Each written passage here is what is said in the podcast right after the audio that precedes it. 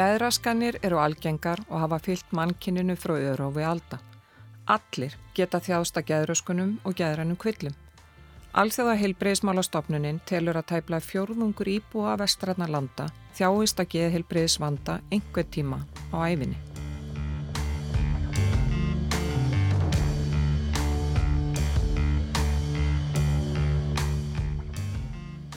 Sæl hlustandi góður. Þetta er fyrsti þátturinn af sex í þáttaröðinni Geðbrygði þar sem fjallaverður um geðheilbreyðismál frá ymsum sjónarhóttnum. Ég heiti Guðrún Haldanadóttir. Ég heiti Margret Manda Jónsdóttir. Og ég heiti Tómas Rafn Ágússon og við höfum umsjón með þáttaröðinni Geðbreyði. Í þessum fyrsta þætti ætlum við að fjalla um þunglindi sem er einn algengasta geðröskunin í heiminum. Þunglindi er alvarlegur og langvinnu sjúkdómur sem oft kemur fram snemma á lífsleginni. Sjúkdómsbyrðin er svo mesta meðal geðraskana og hefur aukist á síðastliðnum árum. Alþjóða heilbreyðsmálastofnuninn setur þunglindi í fjóruða sæti yfir þá sjúkdóma sem valda mestri föllun og skerðingu lífskeða fólks í heiminum. Meðferðir við þunglindi eru fjölbreyttar. Sálfræð og livja meðferðir eru fyrsta val en fleiri meðferðir eru til ef þunglindið er alvarlegt eða viðkomandi svarar ekki meðferð. Þá er yfirleitt reynd að beita heila örfunar meðferð með raflækningum eða segulörfun. Þá sína nýja rannsóknir að ofskinjunarlif geta gefið góða raun við alvarlegu þunglindi. Engibert Sigursson, prófessor í geðlæknisfræði og yfirlækni við geðþjónustu landsbítala, segir depurð og kvíðaraskanir algengt vandamál hjá fólki á öllum aldri. Þunglindi, ef maður ætlar að, að draga það saman, þá er líklega engin geðriskun sem á margan hátt er bara hlut af litrófi mannlífsins. Ég, það er þá helst kannski kvíðaraskanir sem eru líka ótrúlega algengar og þunglindi er eitthvað sem að til að mynda svona fjóða hver kona getur vænst að gangi gegnum á lífsleðinni og kannski svona áttundi hver karl og talsveit hætt á því að veikjast oftar en einu sinni og, og svona kjarna einnkjönin og þau er mikilvægastu. Það er að vera náttúrulega dabur, leiður sem sagt, vera áhuga og gleði laus eða snöyður þannig að það sem að venjulega veiku hjá manni áhuga og gleði er ekki að gera það lengur, ekki einsni kannski bara samvera með litlum börnum eða samvera með bestu vinum. Og svo er það eitt sem að fólk átt að segja ofta og það er orkuleysi, bara þreita og það getur verið alveg óskaplega djúbstæð og mikil þreita þannig að fólk bara kemur sér alltaf fram úr á morgnana, kemur sér ekki í sturt eða fá sér morgumat eða bursta.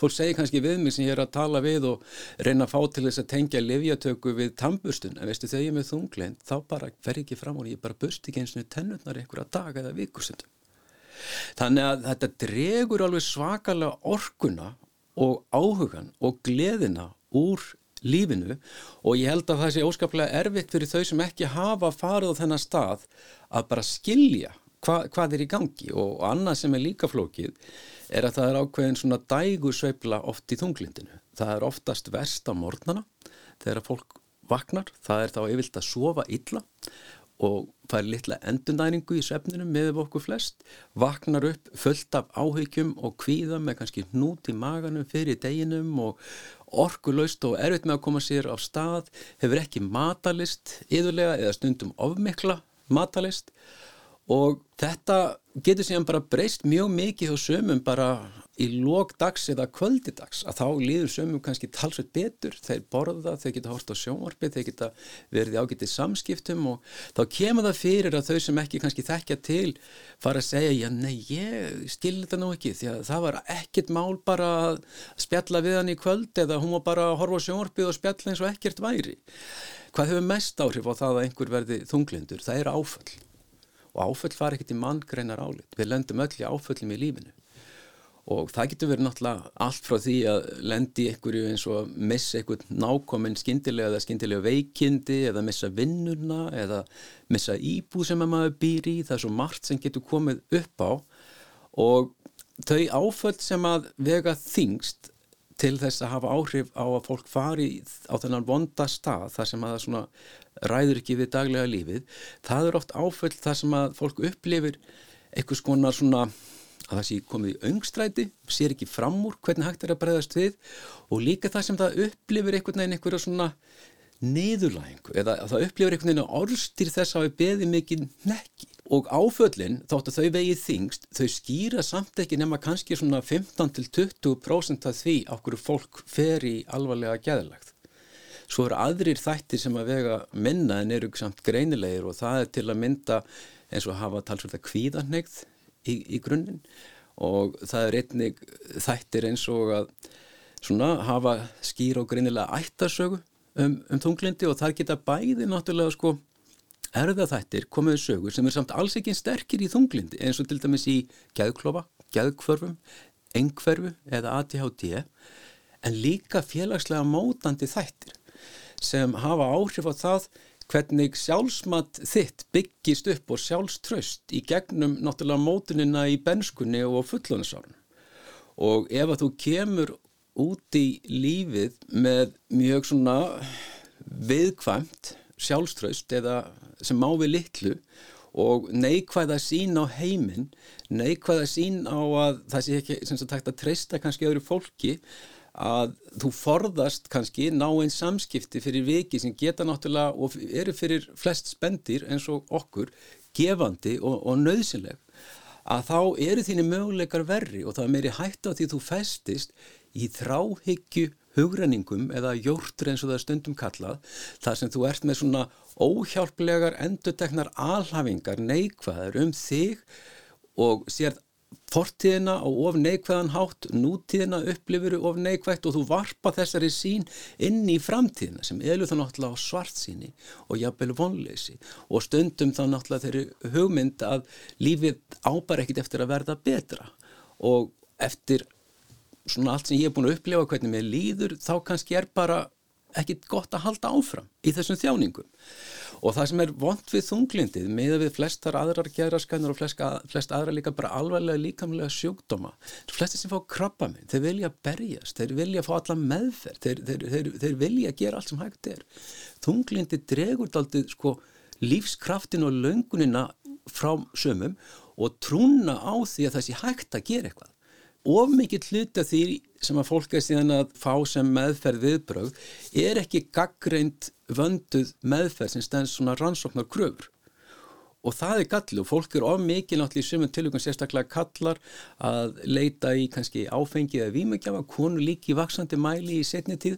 En það eru samt almennt duglegur að tjá sig við sinn svona félagslega ring og, og fjölskyldu heldur en karlarnir eru sem bera meira sinn harmi í hljóði. Og það kann kannski að vera hluta skýringun okkur í sjálfsvík eru líka þetta mikið algengari með all karla heldur en hvenna ég vilti svona eitt sjálfsvík hjá konu fyrir hver þrjú hjá körlum. Að þeir eru að loka og lengi inni með þetta nota óhjálplegri bjargráð og leita sér ekki hjálpar fyrir kannski þeir eru komnir í algjört öngstræti með sitt líf night. I don't care, hand on the wheel, driving drunk, I'm doing my thing. Rolling the mid beside him now, living my life, getting our dreams. Mísjamt er hvenna þunglindi kemur fram hjá fólki.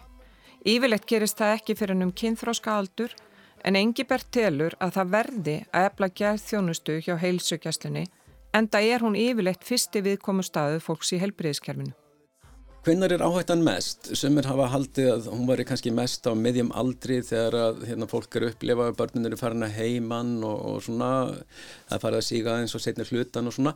Nei, þetta er eiginlega kannski frekar hjá ungu fólki, sérstaklega kannski bara hjá ungum konum aldrunum 20 til 40 ára tengist þetta þá aðaleikunum lífræðilegum þáttum eh, ábyggilega einhverju leiti. En þegar þetta er rannsakað og það er reynda að fara svona yfir fræði greinar á mörgum sviðum að þá meðast félagslegu þættirni kannski jafnvel skipta meira máli og, og kannski ekki síður það bara hvernig eh, svona álægið á konur og þessum aldri þessum þjóðfélögum hefur verið kannski öðruvís og meira heldur en á að karlana þessu leitu og það er kannski meiri tilfinning að vera auki og það er náttúrulega þetta Við erum búin að, sem sagt, við erum með þjóðfélög þar sem að konur hafa alveg meiri önn fyrir börnunum og tekið meiri ábyrð á heimilunum, eru samt að fara meira út á eh, vinnumarkaðin, eru samt að sinna foreldrum meira og, og þeim sem að eiga, eiga erfitt og eru svona tilfinningarlega jafnaði sko næmari. Og nú er ég að tala um eins og þess að ég svona algjör ykkur skriðlegu kynjamönnur á kvörlum og konum það er náttúrulega ekki svo einfalt. Það er meiri munur á einstaklingum milli einstaklingum heldur en á milli kynjana en það er samt ef maður tekur hópana talsverður munur á milli kynjana og, og það þýðir ekkert að horfa neitt fram hjá því. Og það máttu segja þá að í ljósi þess að það eru konur svona á barsegnar aldri sem eru kannski stærsti áhættuhópurinn til að verða þunglindar að þá er alveg sérstaklega mikilvægt að geta sinn því vegna þess að þær eru að sinna þá mjög mikið litlum börnum og fjölskyldum og stórfjölskyldum. Og ef að þær verða veikar þá náttúrulega rann sem margir að missa nöðslega næringu og stuðning í daglegu lífi. Og þess vegna var greiðlega mikilvægt skref sem að stegi hérna svona mest á árunum 2017-19 en hóst fyrir svona 2007-08 að sálfræðingar fóru að koma í heilsugjæsluna þannig að fólk sem ekki hefur efn á því að borga háar uppæði fyrir hvert sálfræði tíma geti fengið að mista kosti lámar spyrjunar þjónustu í gegnum heilsugjæsluna. Þetta þurfum við hins vegar að ebla. Þurfum við náttúrulega að sjá núna líka eftir COVID hvernig eftirspurnin hefur bara aukist og, og aukist og, og við erum líka náttúrulega að sjá það að það er vel að kynslu að breyting. Unga fólki okkar, kannski sem er á milli bara já, tvítugs og, og færtugs í dag það gerir aðra kröfu til lífsins heldur en fólk gerði áður og það er tilbúinur að leita sér hjálpar hvort sem það er tunglindi, kvíðaraskun eða ADHD og ýmislegt annað sem að bjátar á heldur en áður og ég held þess vegna að stjórnmálamenn eigi og verða að hlusta meira á þessar þarfir því að þetta er náttúrulega verði æmeira mæli kjósendur framtíðar. Já, það starfa sálfræðingar hjá heilsugjastlunni En Engibert segir að það sé yfirleitt ekki fyrst áræði sem fólki er bóðu upp á þegar kemur á þunglindi. Heldur fái fólk miklu frekar ávísað gæðlífum. Og þetta var því lifin að svo lengi sem að þú ert, ert að heppin að hitta á réttu lifin að þá, sko, þá fara lifin bara með því ákveði lánt og ef að þú vilt sko, komast lengra í sko, bata þá verður þú að taka við þar og, og halda áfram og ég gerði það. Við heyrum meira frá Stefáni Þór Stefánsinni síðar í þættunum. Það er minni fyrirhöfn ef að þú þóli lifið vel og það fer vel í þig og það kostar miklu minna.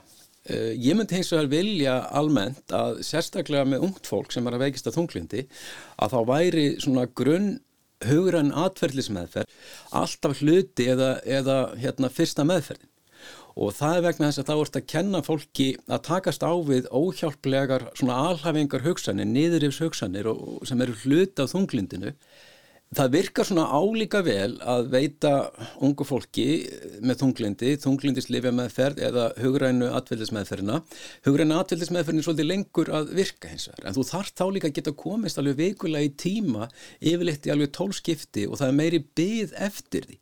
Og þá er þetta alltaf þessi spurning sko hvað á að gera? Það er ofsalega erfitt að vera í, í, þunglindi og vera ekki að ráða þú veist við námið þitt, við vinninu þeina við fjölskyldur hlutverkið þitt, við tómstundirna þeina og þar fram til gödunum þannig að ég held í öllum Európa-löndum eh, fyrir vikið að þá er það svona þunglindislega meðferðin fyrsta meðferðin.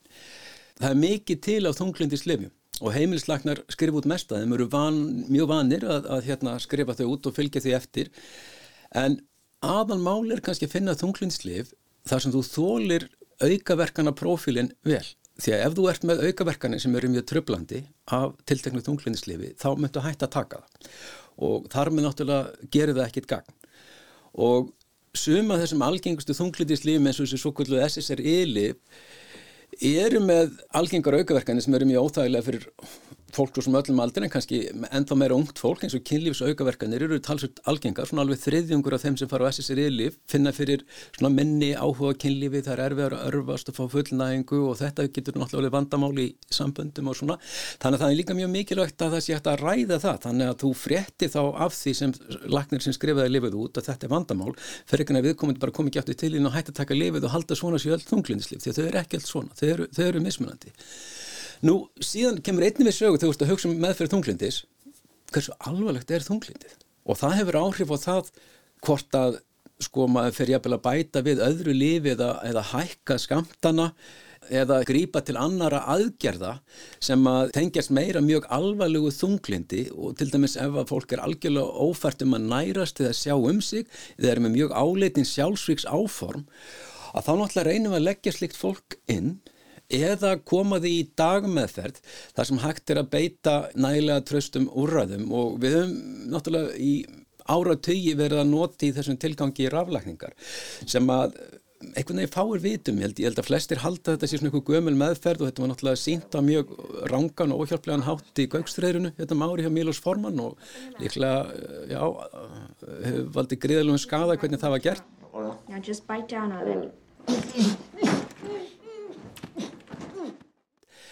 En, en þetta er sem sagt meðferð sem er veittir í svæfingu og vöðvaslökun undir hérna, eftirliti þá svæfingarlakna sem eru þarna á staðnum meðan að fólk fær raförfun á meðtöðakerfið sem veldur krömpum sem eru deyfðir með vöðvaslökun og hvað gerir það?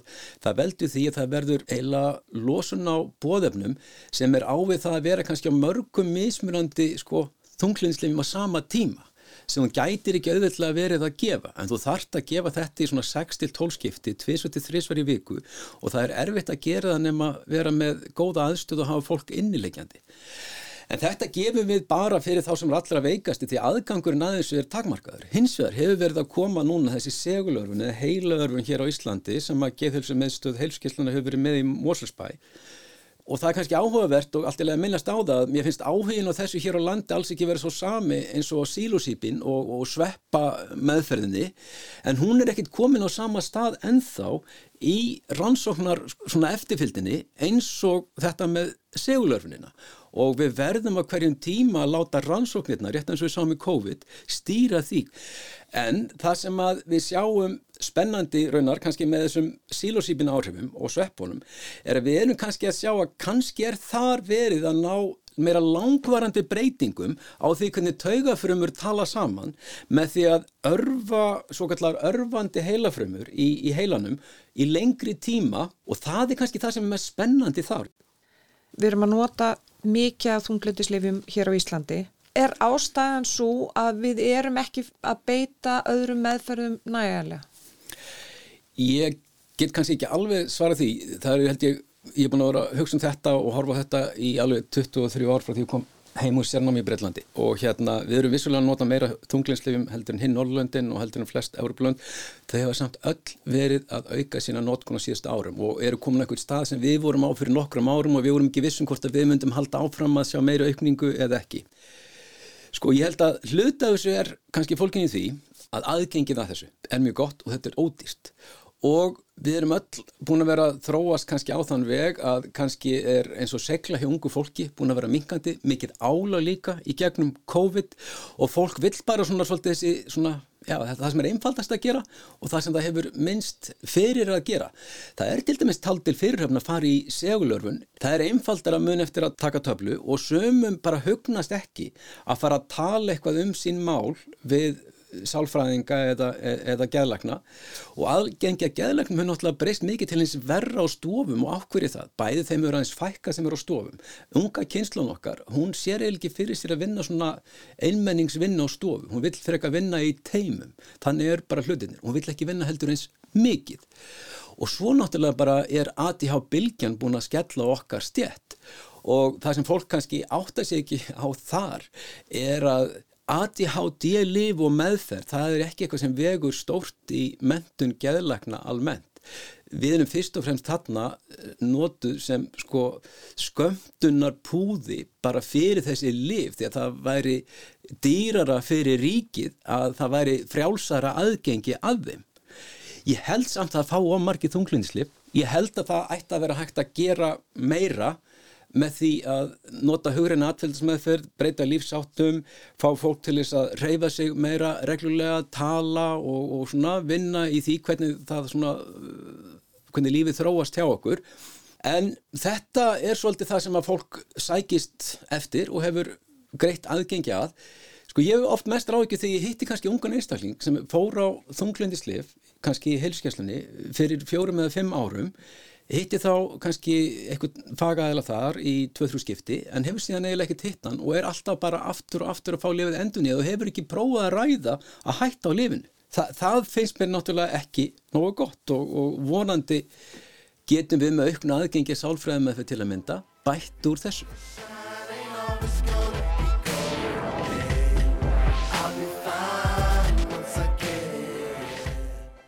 Nótkun þunglindislifja hefur aukist um tæp 40% hér á landi síðasta áratvín. Eins og Engilbert bendur á er ofta auðveldara að fá ávísað lifi en hugrætni atvillismeðferð. Eitt þeirra þverfaglegu teima sem starfa í gæðþjónustu landsbítalans er þunglindis og kvíðateimið. Erla Björg Birgistóttir, sálfrængur, stýri starfi teimisins. Erla Björg segir að skjólstæðingar teimisins séu fjölmarkir en sem stendur eru ekki bygglistar eftir þjónustu þar sem heilbriðsaráðunetið setti aukið fjármagn í að útrýma bygglistum þess. Þegar maður er að vinna með fólki með þunglindi þá skiptir gríðalega miklu máli að maður leggir sér fram við að skilja einstaklingin. Skilja bakgrunin hans, skilja hvaða vanda hann stendur fram með fyrir, skilja hvaða er sem að skiptir hann máli og hérna sálfrængar nota gerðnan hugran aðtöldismeðferð við þessa vinnu. Kanski fyrstu skrefin í sálfræðmeðferð er að við byrjum á því að kortleggja vandan og þá notum við svona grunnþætti eins og við tölum um fimmþáttalíkan, það er að við skoðum aðstæði fólks, hugsanir, tilfinningalíf, líkama og hegðun. Tilgangur með þessu eru þetta bara að búa til sameilan skilning með fólki á því hvernig vandin lítur út og þá um leið að finna út eh, hvað er þetta að grýpa inn í og í sálfræði meðferð að þá erum við að vinna með fólki þannig að upplýsingar að koma frá fólkinu sjálfu og hugmyndina líka að því hver við grípum inn í. Niðurrif er eitt af einkjönum þunglindis. Fyrsta skref í meðferð sem þetta eftir kortlagningu þá er mjög algengt að við byrjum á því að vinna með hegðun og ástæðan kannski fyrir því er að fólk sem er með þunglindi að það lýsi því gerðnan að það sé ekki að gera það sem það á að vera að gera, að þessi hægt að gera hluti sem það hafiði áður ánægja af og er að fresta hlutum og þetta verður auðvitað partur af vítaring vandans og fólk fer að brjóta sér niður, bara er með hugsanir að vera einskilsvirði, klúðra öllu og svo framvegs og hérna auðvitað getum við gripið inn í þessar hugsanir en besta leiðin til þess að breyta hugsunum er í gegnum hegðun. Og þá notum við aðtælistilraunir þar sem að fólk fer að prófa sig áfram. og stundum byrjum við bara á því að reynlega fólk skrái niður hvaða er að gera og hvaða tilfinningar svo aðtöpp kallar og erum þá bara að kenna það að það sem við gerum hefur áhrif á hvernig okkur líður. Stundum stafar vanlega fólks af allt öðru en þunglindi, þrátt fyrir að það sé í fyrstu tali vera orsökannar. Erla segir að þetta sé alls ekki óalgengt. Það er mjög algengt að það gerist og mikilvægt að við skoðum samhengi manneskunar og séum með mitt ekki að greina þunglindi án samhengis. Maður hittir kannski mannesku sem er að kljást við allskins erfileika, stendur fram með fyrir fjárasvanda, er með verki, það er ómanneskilegt álag í vinnunni og svo framvegis og fólku upplifið þá deburð, uppgjöf, hjálpaleysi og það eru algjörlega raugrætta tilfinningar. Með öðrum orðum það er ekkit að viðkomandi að hann sé að upplifa þessar tilfinningar og okkar hlutverk er þá að setja vandan í samhengi og sjá og hjálpa semst einstaklingnum að finna út hvað hann getur gripið inn í jafnvel þó að aðstæðina séu mjög erfiðar. Fólk upplifir sinna blá oft mjög hjálpavana og þegar að manni sagt, líður alveg djöfula að þá ámaður bara oft erfitt með að finna lausninnar en, en þær eru samt þannig til staðar og þess vegna er svo mikilvægt að maður fái hjálp til þess að sjá það. Já og þá ekki að sjúdómsvæða tilfinningar. Já, einmitt, nákvæmlega.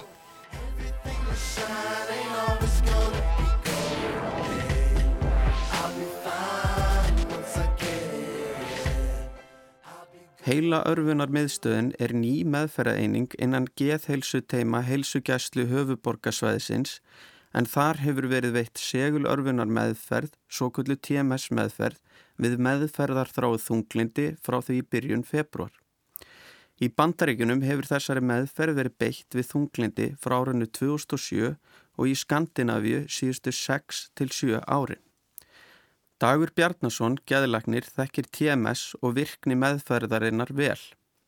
TMS er sem sagt gamstöfun á ennsku fyrir það sem heitir Transcranial Magnetic Stimulation sem er að, að ía til þess að þetta er nýtækni sem hefur verið að ríða sér til rúms á síðustleinu með að segja 20 árum þar sem við erum að nýta okkur ákveðna eðlisræð sem er þannig að við búum til segulsvið með aðstóð Ramax og segulsvið hefur þann aðeinsleginleika að við getum farið í gegnum flest allan vef við þekkjum þetta frá segulómyndatökum en þannig erum við sér að koma með verkfæri til þess að geta uh, haft áhrif á heilavirkni, taugavirkni uh, án þess að þurfa að uh, taka áhættu samar aðgerður eins og að deyfa, nota skurðlæknis yngripp, heldur við getum örfað án þess að taka slíkar áhættur. Og er þetta þá meðferð sem að þú mætir í bara og ferði eitthvað, eitthvað, eitthvað tæki, Hva, hvað, hvað er gert? Það sem að er gert, ef ég útskýri svona í stuttumóli, eh, við erum að meðhandla fólk sem er með svo kallar meðferðar þrátt þunglindi. Þetta er svona svolítið nýtt orði í, í orðræðinni en það, það þýður ennur bara það að það er búið að reyna ansi margt, það er búið að reyna fjölmörg líf, það er jáfnveil búið að reyna sálfræðameðferðir og sumur okkar hafa farið í raflækningar þannig að við, vandin er mjög þrár, hann, vill, hann, hann bregst ekki vel við meðferðum þá köllum við það til okkar og það fyrsta sem við gerum ef, ef að við komandi má fara í þessar meðferð því það er ákveðni hluti sem má alls ekki verði til staðar þá helstu málmar á höfusvæði því að málmar og seglar fara ekki vel saman en þá mælum við út ákveðna einstaklingsbundna þætti til dæmis hversu mikið seguls við þarf við komandi til þess að láta taugafrömmur hans skjóta bóði og það getur verið bara að missa þetta eftir aldri, kyni, kynþætti og fleira. Þegar við erum búin að finna það, þá finnum við meðferðar staðin sjálfan sem er í framheilanum. Og svo sem sagt fyrir meðferðin fram á þessum punkti og það gerum við okkur um einasta degi, þess virka það og meðferðin sjálf tekur um þrjár mínútur, við komum til vakandi allan tíman, getur spjalla við okkur og verið í samskiptum við okkur og eftir meðferð sem bara stendur hann upp og fer heim til sín, keirandi eða eins og hann kom og mætir næsta dag. Dagur segir að flestir þóli TMS meðferð vel í samanbyrði við margt annað, svo sem lif og fleira. Einleitis að, að, að meta það hvort eitthvað þólisvél er auðvitað að horfa á hversu margir hætta í meðferðinni. Það er stórfandamáli með lífin. Það er ofsalega hátt brottfall eh, einstaklega sem hætta vegna aukaverkana og fleiri atriða. Við sjáum líka oft hátt brottfall úr sálfræði meðferðum og fólk einfalla til þess ekki geta klára slíka meðferð. Í TMS erum við að horfa upp á brottfall upp á kannski 4-6%. Það telst afarlátt. En það eru aukaverkanir. Ég held að maður er ekki að vera að, að fela það neitt. Og við tölum stundum um alvarlega aukaverkanir og svo algengar. Og þegar ég tala um alvarlega þá er ég að tala um flóg. Það er þetta að fá flóg en svo áhætt að verðist vera minni en á höfbundnum þunglinslifum. Er þetta framtíðin í þessum lækningum? Ég held að tvímanlust að við séum með eitthvað nýtt hérna í höndunum sem að er hannað meira út frá biológiu, stiðst við grunnrannsóknir tögavísenda. Ég held að við séum eitthvað hérna sem er, er komið til þess að vera og muni vera starri partur af kistu geðlagna í framtíðinni og ég myndi að segja að allir ungir geðalegnar sem er að læra í dag ættu að kynna sér þennan ánga sviðsins og, hels, og, og sérstaklega tauga vísindi. Verður það kannski í framtíðinni þannig að fólk geti bara fengið eitthvað tæki heim til sín?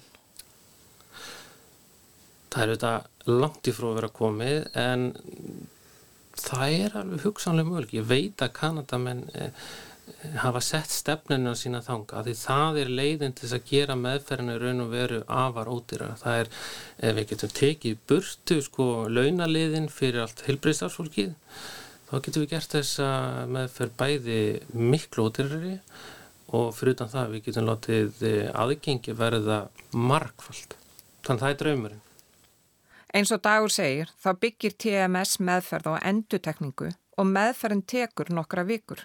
Sumir finna fljótt fyrir breytingu á líðan á meðan áhrifin koma setna fram hjá öðrum.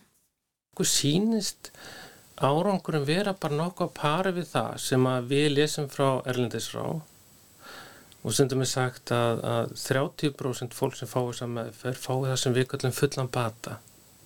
Það var ekki átt við lækningu í þeim skilninga heldur bata með tillit til engina. Þú sétt komið það mikið þunglinsengina að þú sétt svolítið bara á pari við almenning. Þannig að 30% verðast ná því eh, og svo er önnur 30% sem ná því sem við kallum hálfum bata. 50% lækun á enginum og einhver getur fussaði við því að það sé ekki frábært sem er alveg rétt en fyrir einstakling sem hefur verið kljást við þunglindi, alvarlegt þunglindi í mörga ár þá er helmingsbati bara ofboslega mikið lífskeiða aukning og þá ekki að gera lítið úr því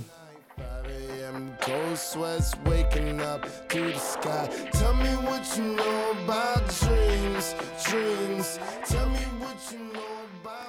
Móttökugeðdelt landsbyttalans 33C sérhafi sig í móttöku og meðferð sjúklinga með lindisraskanir. Guðrún Etta Högstóttir er hjúkurnafræðingur og deildastjóru á deildinni. Hún segir ymsar ástæði fyrir því að fólk þurfa að leggjast þar inn. Þeir sem að leggjast inn á deildina til okkar í þunglindi eru með það sem kallum alveglegt þunglindi þar sem að hefur orðið uh, virknitap, um, einstaklingar hafa mist færni að sinna bara aðtöfnum daglegs lífs, það nærast og klæða sig. Alvarlegt unglindi getur líka haft fylgjikvilla eins og geðrósengjani, sjálfsvíkssugsanir og sjálfsvíksplön og við aðstofum fólk við að ná tökum á þessu aftur svo að geti útskrifa sem fyrst heim og til sinna meðferðar aðila og haldi áfram að lifa eðlulegu lífi, það sem eðlast. Og hvað er fólk yfirleitt innilíkjandi lengi hjá ykkur? Legutímin er ekkert voðalega langur. Meðalegutími fyrir alvarleg þunglindi er um fimm dagar. Yfirleitt nær fólk svona með því að hefja lifjagjöf aftur, skoða lif og jafnvel breyta. E, nær það ofta bregast á nokkuð stutnum tíma. Auðvitað eru aðri sem að þurfa lengri tíma og það feg kannski eftir svona uh, uppustöðu atriðum meðferðarinnar hversu langur legotímin er. Oft eru það aðstandendur sjúklinga sem hvetja til að þykja innlögn því að þegar fólk er alvarlega veikt þá gera þessi stundum ekki grein fyrir því hversu alvarleg staðin er orðin og að innlagnar sé þörf. Í alvarlegu þungliti eh, er oft freka langur aðdraðandi. Það sem er mikil vanlegan, vaksandi vanlegan yfir kannski langan tíma e, mikið virknitap og oft þegar kemur að innlögna þá eru þessir einstaklingar kannski ekki að sinna aðtöflun daglegslífs eins og bara að vakna bara fætur, að klæða sig, að nærast, margir hafa ekki borðað í langan tíma og einhvern veginn sinna svona ekki sjálfum sér og þá eru það oft sko aðstandendur. Þeir sem að standa um næst sem að grýpa inn í og fá sitt fólk til að leita sig hjálpar á bróðmátúkuna til okkar og það er svona þeir sem að taka fyrst eftir virknitabi og þetta er orðið svona rosalega alvarlegt. Guðrún Etta segir að 17 rúm séu á deildinni og nokkuð stór hluti þeirra sem kom á deildina séu með alvarlegt þunglindi. Það sem aðverð þessu ári hafa um 50 einstaklinga lagst inn með greininguna alvarlegt þunglindi sem eru þá um 5 á mánuði ef við skiptum því þannig. Þannig að það er nokkuð stór hluti sem að leggst inn til okkar með alvarlegt þunglindi. Margir af þeim sem að leggjast inn með alvarlegt þunglindi eru ekki í þunglindis lótu í fyrsta skipti og þeir einstaklingar eru yfirleitt með geðleiknastofu eða í geðhilsu teimum og útskrifast eftir meðferð hjá okkur þangað. Í öðrum tilfellum það sem að þunglindið er nýlegt, jafnvel samblandað krísu eða kvíða og þá höfum við teimi innan landsbytala sem að sinni þessum skjólstæðingahópi og þá er sóttum í það og það er þunglits og kviðateimi. Liv eru yfirleitt að fyrsta sem skoðað er þegar fólk leggst inn á gæðdild. Já, við byrjum á því að skoða livin sem að skjólstæðingar okkar eru á, hvort það þurfa að auka livjaskamtana, bæta í eða setja inn liv, séu þau ekki á livim nú þegar.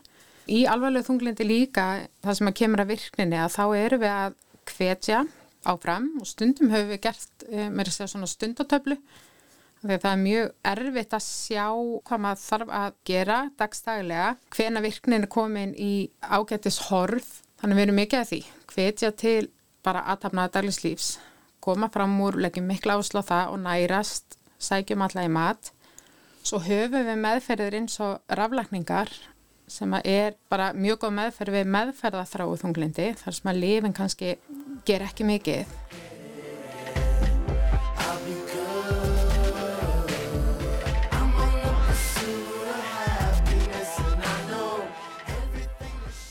Stefan Þór Stefánsson tónlistamæður var greindu með kvíðaröskun á mjög háu stíi og þunglindi kjölfarið.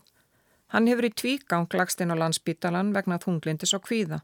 Langur tími leið á milli innlagna. Ég er, ég er sko stamari, nema ég er stama með líti í dag með að við áður og það byrjaði þegar ég var fimm ára gammal og ég áttaði mikið á því fyrir en á fullónis árum hvernig áhrif það hafði sko haft á mig að þessu leitinu sér. Þannig að í þú skóla unglingsár voru mjög svona kvíðvanleg. Það var erfitt að lesa upp átt í skólum, fara út í búðabiðum eitthvað og fleira og fleira.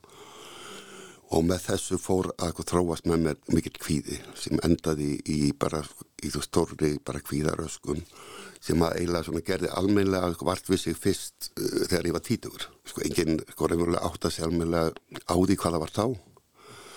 Svo leggst ég inn árið 2004, þá hef ég verið svona 35 ára og um, þá var ég orðin mjög veikur og uh, ég bara panik ástandi og þá fæ ég þessa greiningu að ég sé með kvíðaröskuna háið og stíi og, og þungliti.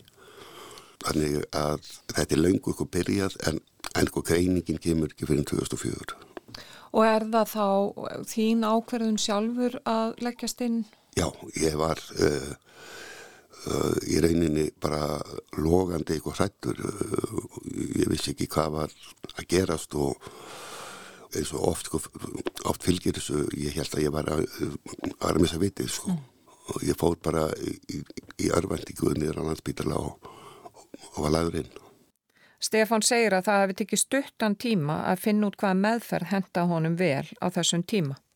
Ég lendi þá á alveg frábærum alveg frábærum okkur geðlækni og það er Nanna Brím og hún einhvern veginn hittir bara 1, 2 og 10 á okkur réttu lifin og uh, innan einhver tekja vikna þá fer ég að var ég að finna eitthvað breytingu á mér og á akkurat 20 og einu degi þá er ég bara þá er ég bara eitthvað færum að geta farið út. Og ég ég fekk nefnilega nokkuð góða eftirfylni líka þá. Og fekk ég, ég með samband um hæl veitur sálfræng og svo nanna, hún veit alveg tímar við hann eftir og, og það gekk bara mjög vel með mig. Og var það þannig í langan tíma? Já, sko, þetta er eitthvað helst og ég, ég, er henni bara blómstræði sko, á þessu einhver tíma það helst í alveg eitthvað tíu ár. Og, þá veikist ég svona heiftalega aftur og hef aldrei orðið svona veikur og var bara fastur í hérna kvíða ástandi.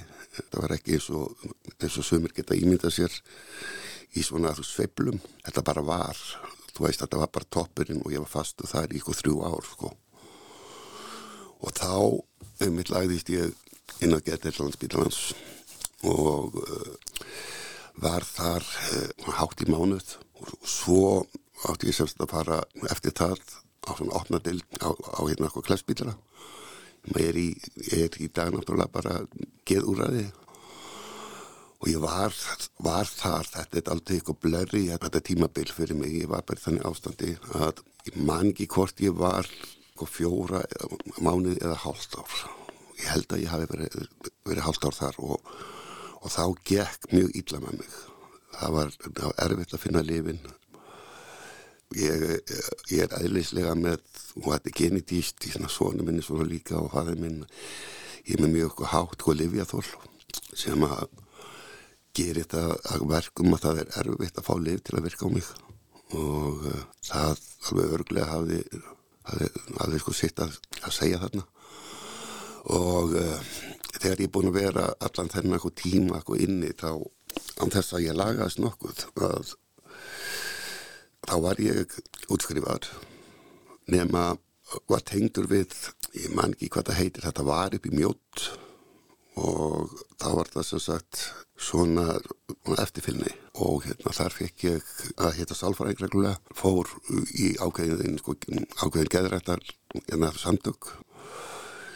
Hitti mjög gott og fólk hérna þar sem að voru bara meðlumir í, í samtökunum líka sem að hjálpuði mig mikið eignaðist viniðar og svo fór ég bara að leggja mig fram við þetta sjálfur. Ég var lengur búin að sko, átta mig á og þetta var þetta í lifin að svo lengi sem að þú ert, ert að heppin að hitta réttu lifin að þá, sko, þá fara lifin bara með því ákveði langt og ef að þú vilt sko, komast lengra í ykkur bata þá verður þú að taka við þar og, og halda áfram og ég gerði það þetta tók mig sko, sko veikindin og svo bata eitthvað ferðlit þetta var alveg rúmlega fjóra ár sko. Og hvernig líður þér í dag? Ég mér líði bara mjög vel.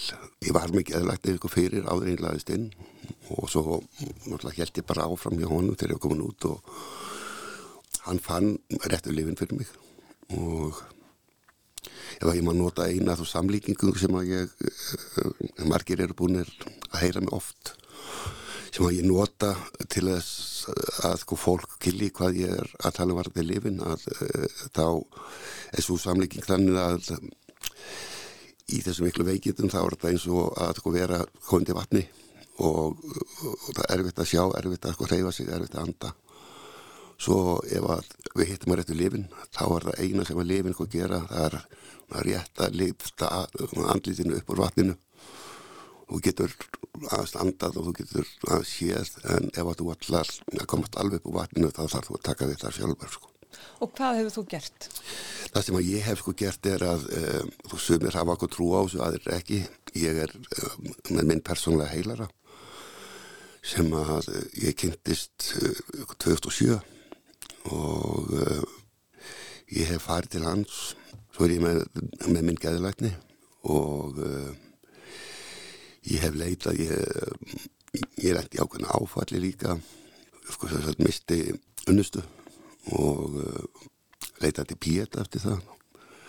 Vekk alveg ofbúslega góða aðstóð þar og er, er umverulega komið með góða tengingu við píeta og ég fer og þangað ennþá annars lægið bara til að taka, taka stöðuna.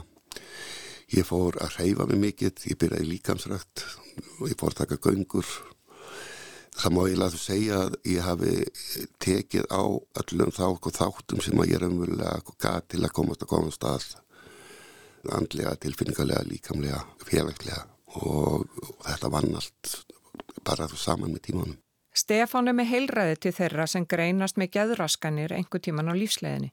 Það sé engi skömm að greinast með geðran meikindi, ekkert frekar en aðra sjúkdóma. Það sem að ég myndi vilja segja í lókin er að það er sama hvar hvar þú ert í þjóðfélaginu eða hvað þú heitir eða hver þú ert eða hvað það á ekki verið skömm. Að það þarf að vinna betur með það. Það er það hefur lagast en uh, það, er, það eru fordómar en þá út í þjóðfélaginu og, og líka hjá þeim sem eru sko, veikinn sjálf og, og það á ekki að vera ekki ykkur frekar en að þú hérna skammist ín verið að vera með gikt eða síkusíki eða eitthvað, eitthvað sem það heitir.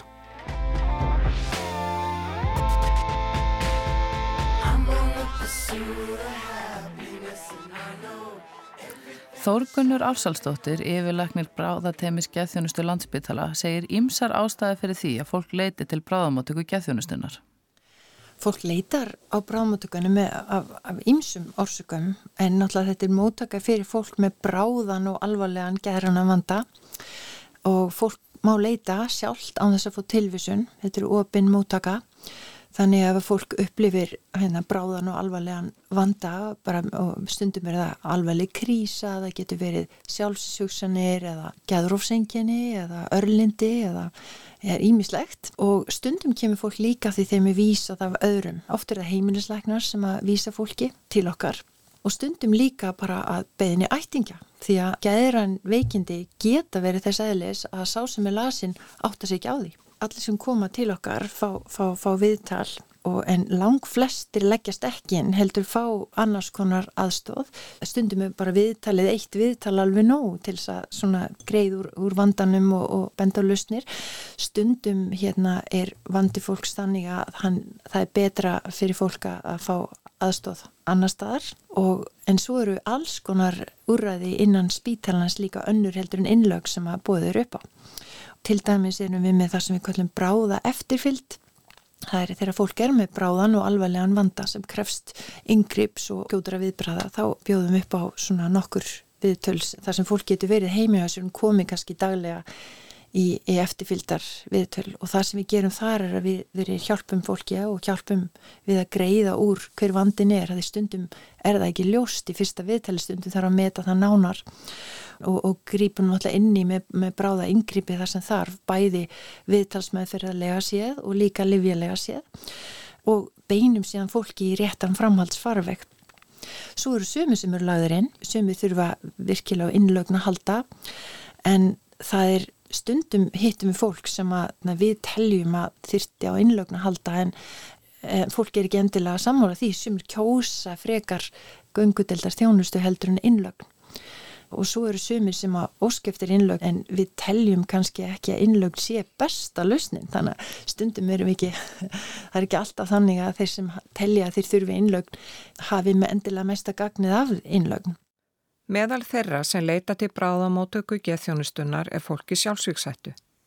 Þorgunnu segir að það sé ekki til einn ein leið til að meta slíka hættu. Slíkt mat byggir alltaf á samtali við viðkomandi og opnum samskiptum millir þess sem glýmir við vandan og þess sem metur hann. Mat á sjálfsísættu er alltaf klínist mat. Það er því miður ekki til neyn rannsókn eða mæling sem að getur bara sagt okkur til um það nákvæmlega hversu mikil sjálfsísættan er. Hún byggir alltaf á gerðunum mati á, á ástandi viðkomandi og sögunni sem viðkomandi gefur okkur. Og það eru hvernig áhættu þættir sem að geta aukið á sjálfsísættu til dæmis ef að fólk hefur áður gert sjálfsístilrun eða glýmir við annan vanda, verkjavanda eða annað það er meiri sjálfsísætta til dæmis ef að fólk er með gæðrófsjúkdóm eða výmöfnavanda og fleir og fleira. Það eru áhætti þættir og svo eru líka verndandi þættir. Það eru margir vendandi þættir líka sem við skoðum og metum og, er, og, og spurjum fólk um. Til dæmis það að hafa, hafa tilgang og hafa sterk tengst við fjölskyldu og og, og fleira sem að vendar stór partur af því að meta sjálfsýsættu er líka að hjálpa fólki að sjá að það eru til aðrir möguleikar og aðra lausnir og gefa fólki von. Við getum öll lengt á þeim stað í lífinu að finnast bara allar dyr vera lokaðar og ekkert annað í döðun en bara hverfa hérna á þessu lífi en þegar við erum svona yfir þeirrimd af þessum tilfinningum og hugsunum þá getur verið svo óskaplega hjálplegt að eiga samtal við aðra mannisku sem getur hjálpa menni út úr þeirri, þeirri tí ástandi.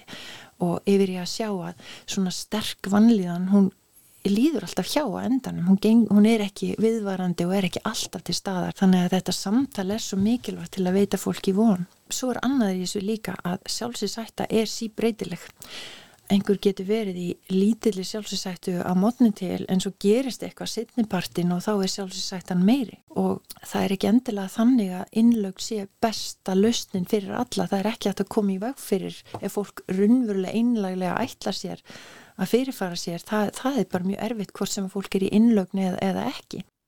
Þórgunur segir bráðamátöku geðþjónustunar opna alla daga vikunar. Stundum fáum við mitt spurningar um opnunum tíma brámatöku geðþjónustunar og stundum gleimist að það er raunin bara viðbótar meðferð. Það er bráða mótaka, bráða þjónusta landsbítalans er náttúrulega staðsett í fosfóin, það er bráðamótakan og hún er opinn allan sólarhingin fyrir bráðan vanda sama hvers eðlis hann er bráðamáttöka geðþjónustunar er svona viðbótar þjónusta. Það er opið alla virka daga og líkum helgar og fólk getur leita þá til okkar með bráðan vanda á dagvinnu tíma þegar þarf. Bráður vandi líka er auðvitað misbráður, stundum er, það, það er mismundi mikill bráðuleiki í bráðan vanda, stundum er bráður vandi þannig að maður þarf hérna, að fá aðstóð samdags og það, þá aðstóð náttúrulega veitum við að, að, með opnun alla daga og, og bráðuþunustu geðunustunar um, stundum er bráður vandi þannig að hann þarf að vera innan klukkutíma og þá er hann oft það alvarlegur að, að þá, þá er henni líka oft betra að fólk byrji hérna á bráðmátökunni í fósfóinum því að það er líka gerða líkamlega rannsóknir og aðtjónir því að stundum getur bráður gerðan vandi ef hann er mjög alvarlegur og mjög bráður til dæmis manneski sem er í bráðu skindilegu gæðurofi hérna, það getur þurft að gera líkamlegar aðtjónur og skoðanir á því hver orsökin fyrir því er því það getur verið líkamlegar orsakir hefnaskipta villa eða afleðingar eftir slís eða výmöfn og notkun sem getur orsakað þannig ástand og, og þá er náttúrulega auðvitað best að byrja þar.